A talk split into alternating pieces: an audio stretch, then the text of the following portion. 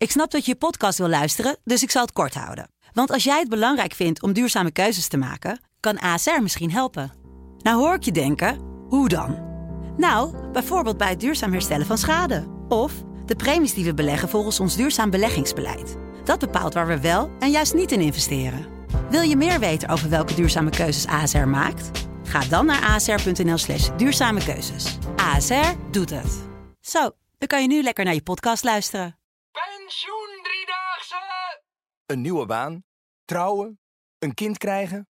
Wat je ook meemaakt, check nu heel eenvoudig op pensioendriedaagse.nl of jij het goed geregeld hebt. Voor later. De Pensioendriedaagse van 1 tot en met 3 november. Een initiatief van Wijzen in Geldzaken.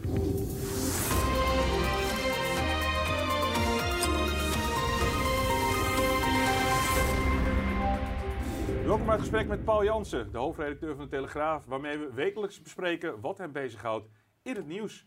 Paul, we gaan eh, bijna naar Qatar. Ja. We konden er natuurlijk op wachten, want eh, het is natuurlijk al jarenlang een heel controversieel onderwerp, het WK in Qatar. En eh, we gaan natuurlijk met Nederlands elftal. Er gaat toch een kabinetsdelegatie en misschien zelfs de koning. Ja, weinig verrassend. En het bleef nog lang onrustig. nou ja, dat, eh, dat valt mee. Maar er is eh, eh, veel, veel over te doen geweest in, in politiek Den Haag. Aanleiding was natuurlijk de bouw van de, van de stadions in Qatar en, en, en de, de mensonterende omstandigheden onder, eh, die sportfaciliteiten zijn gebouwd. Eh, Moderne slavernij wordt het genoemd. Dat werd, Ja. Zo werd het genoemd. In ieder geval heel veel, heel veel slachtoffers ook gevallen. En dus werd dat een ding in de politiek. Niet alleen in Nederland, maar in heel veel eh, landen. Van ja, ehm, ehm, moeten we daar wel A, het WK voetbal laten doorgaan? Maar dat was natuurlijk primair ook een zaak van, eh, van de FIFA. Eh, en, en moeten we dan vervolgens, als dat voetbalfeest er is, moeten we daar dan wel van officiële zijde bij aanwezig zijn. En dus had Politiek Den Haag eh, begin vorig jaar al een motie aangenomen. De Kamer met- met een ruime meerderheid een motie aangenomen. eh, waar, wat erop neerkwam, dan wat er ook gebeurt. Er moet geen officiële regeringsdelegatie, dus nog kabinet, nog koning, naar Qatar. En dat werd met name door eh, D66 en CU. Eh, twee eh, regeringspartijen werd dat, eh, nou, die gingen toch wel stevig met, met de hakken in het zand. Hè. Sjoerdsma die, die had wel termen als, als van, ja, dit is in beton gegoten. En het leek erop dat zij dat heel hoog wilden opspelen, maar... De wereld is veranderd sindsdien. Ja, de wereld is nogal, is nogal veranderd inderdaad. Er kwam natuurlijk een oorlog in Oekraïne. Eh, we kunnen eh, niet meer, of het is een politieke keuze om, eh, om niet meer afhankelijk te, te willen zijn van Russisch gas. Ja. En hé, hey, wie heeft er nou een mooi alternatief voor dat Russische gas? Qatar. Ja, die drijven daar geloof ik echt zo'n beetje op. Hè? Dat, eh, dat die maken van het LNG, van het Ja. eh, liquide gas. En daar eh, de ene naar de andere tanker wordt daar volgepompt. Ik begreep dat eh, ongeveer 70% van de, de, de totale inkomsten van Qatar inderdaad eh, drijven op dat, eh, dat vloeibare gas. Ja, Overigens heeft Qatar wel gezegd, wij kunnen niet in omvang dat leveren wat, wat Rusland eh, voorheen deed. Dus reden te meer om als heel veel, hè, want dat was natuurlijk ook het politieke spel, wat het kabinet ook zei, ja maar wacht eens even, Kamer, jullie willen dat wij niet gaan, maar wat doen al die andere Europese landen? Ja. En daar bleek eigenlijk heel weinig solidariteit te zijn om, om, om ook te zeggen, wij, wij gaan niet. En wil je je dan als Nederland onderscheiden door Ja. mogelijk als enige Europees land, wetende dat er zoveel eh, tekort is in, in eh, leveranties van dat gas uit, eh, vloeibare gas uit Qatar, wil je dan je onderscheiden door te zeggen, ja, maar wij komen niet op jullie feestje, want de verwachting was dan wel dat dat repercussies zou hebben. Nou is het aardige dat gezien de uitspraken, ik heb hier eh, CU-leider eh, Segers, die zei voetbal is geweldig, maar mensenrechten zijn belangrijker.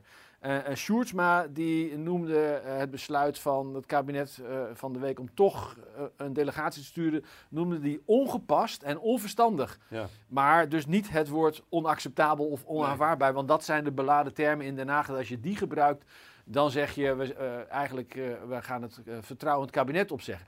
Dus twee regeringspartijen in de Kamer die eh, zich heel groot hebben Ja. gemaakt, maar als puntje bij, bij paaltje kon, gewoon soepeltjes door de pomp zijn gegaan. En nu gaat het er nog om, hè, dat is dan eh, om, om, met, om niet met al te veel gezichtsverlies daar eh, de bühne te verlaten, gaat het erom dan, mag dan wel of niet de koning nog, nog aansluiten. Dat is nu het laatste, De koning wordt de joker eigenlijk. die, die wordt eigenlijk de de joker of de troef, hoe je het Ja. wil zeggen.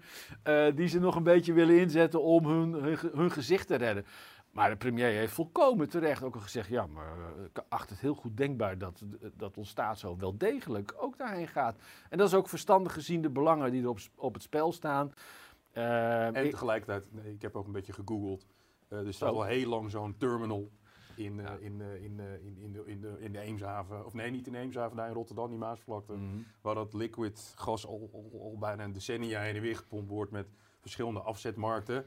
Ehm, het, is, het is de eeuwige strijd tussen de dominee en de koopman. Ja. Als we even teruggrijpen, ja, ik was pas drie jaar, jij net wat ouder. we stonden in de finale eh, in, een- in een stadion in we, Buenos stonden, Aires. we stonden alweer We in. stonden weer in de finale, 74, 78, zonder Kruif. Dat is er, dat terzijde. Ja. Ehm, stonden we daar in Argentinië, waar een militaire dictatuur eh, woedde. Eh, toen gingen we geloof ik niet officieel. Nee, heel, heel interessant. Ik was ook nog te jong om daar actieve herinneringen aan te hebben, zoals dat he- tegenwoordig dan heet. eh, Ja. Als, het, als het je politiek uitkomt, daar is in dit geval geen sprake van. Eh, maar ik, ik, eh, ik heb begrepen dat, eh, dat in de zomer van 78 eh, er wel natuurlijk heel veel te, te doen over eh, was, ge- was geweest al. Ook, ook in Nederland veel commotie van, moeten we daar wel gaan voetballen? Een actie van Freek de Jonge ook nog destijds. Ja, eh, Nederlands Hoop Ja. meende ik dat, Ja. dat het duo toen heette. Maar, maar veel breder. Hè? De jaren zeventig, ook de tijd van de polarisatie, kabinet de Den L. En er was toen toch ook wel vrij veel druk van ja, maar wij willen helemaal niet daarbij gezien worden bij die militaire eh, dictatuur, die Ja. leiders die daar van, van, van de junta. En, maar het aardige is dat officieel er toen nooit is gesproken over een boycott. Maar eh, kabinet, eh, wat heb ik begrepen, in eh, 1974 nog met 23 leden, 23 kabinetsleden, eh, naar de finale in München ging. Eh, in 78 zei, zei het kabinet, ja, we hebben geen tijd. We zijn, we zijn te druk met, met eh, begrotingen. En de, de verantwoordelijke winstpersoon van sport, die zei, ja, ik, het is niet meer gelukt om een ticket te boeken daarheen. Dus er werd niet een principieel Nee. standpunt gebezigd, maar een soort praktisch standpunt met dezelfde uitkomst. Er, er ging niemand heen. Ehm, dat was toen eh, minder pijnlijk. Eh, ik geloof dat eh, Argentijnse rundvlees toen, dat we daar minder van afhankelijk waren Ja, ja, klopt. dan nu van, van gas. Ik vond, vond wel trouwens het argument wat de VVD nu gebruikt, hè, de VVD-fractie. Van ja, je moet juist wel naar Qatar gaan, want anders kan je niet je geluid laten horen Ja. dat, je, dat je het niet eens bent met de omstandigheden van, en, en, de, en de mensenrechten. Ja, dat vond ik wel erg gezocht. Ik bedoel, eh, dat is een beetje de dominee proberen uit te hangen terwijl je in feite gewoon koopman bent. Dus wees dan daar gewoon eerlijk in. We hebben ook nog de beelden van Sochi, hè? Eh, de koning met, eh met Nou eh, ja, er, er zijn inderdaad vaker momenten geweest dat het, dat het wel eh, gevoelig lag.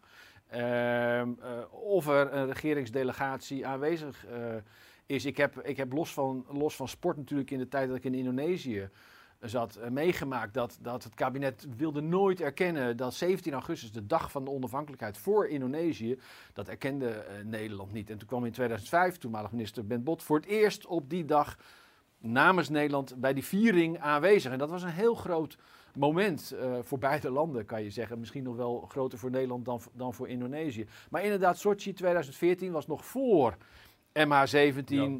en alle ellende die, eh, die daarna kwam. Eh, maar eh, onze koning was daar bij de winterspelen in Sochi aanwezig. En wie kwam daar het Nederlandse paviljoen binnenwandelen? Dat was Poetin. En die heeft toen een, een biertje Ja, heerlijk helder nog iets. Heel, ja. Die hebben toen samen een, een biertje gedronken. En dat, ja, dat, dat, daar kregen ze veel kritiek op, eh, de koning. En met name omdat natuurlijk in die tijd was nog geen eh, Oekraïne-ellende, was nog geen MH17-drama. Eh, maar er was, was al wel natuurlijk niet alleen de oppositie Nee. in Rusland die werd onderdrukt, maar het ging toen ook heel erg over, over homorechten. Ehm, dus dus dat, was, dat was toen al een beladen foto die, die ja, zeker op dit soort momenten rond blijft gaan. Maar nogmaals, ik denk dat het verstandig besluit is dat Nederland daarheen gaat. Het is uiteindelijk, zoals Rutte eh, in het verleden wel eens heeft gezegd, als je alleen maar gezien wil worden en alleen maar zaken wil doen met, met, met landen die er dezelfde principes op nahouden als jij zelf, dan wordt de wereld wel erg klein. Dankjewel. Graag gedaan.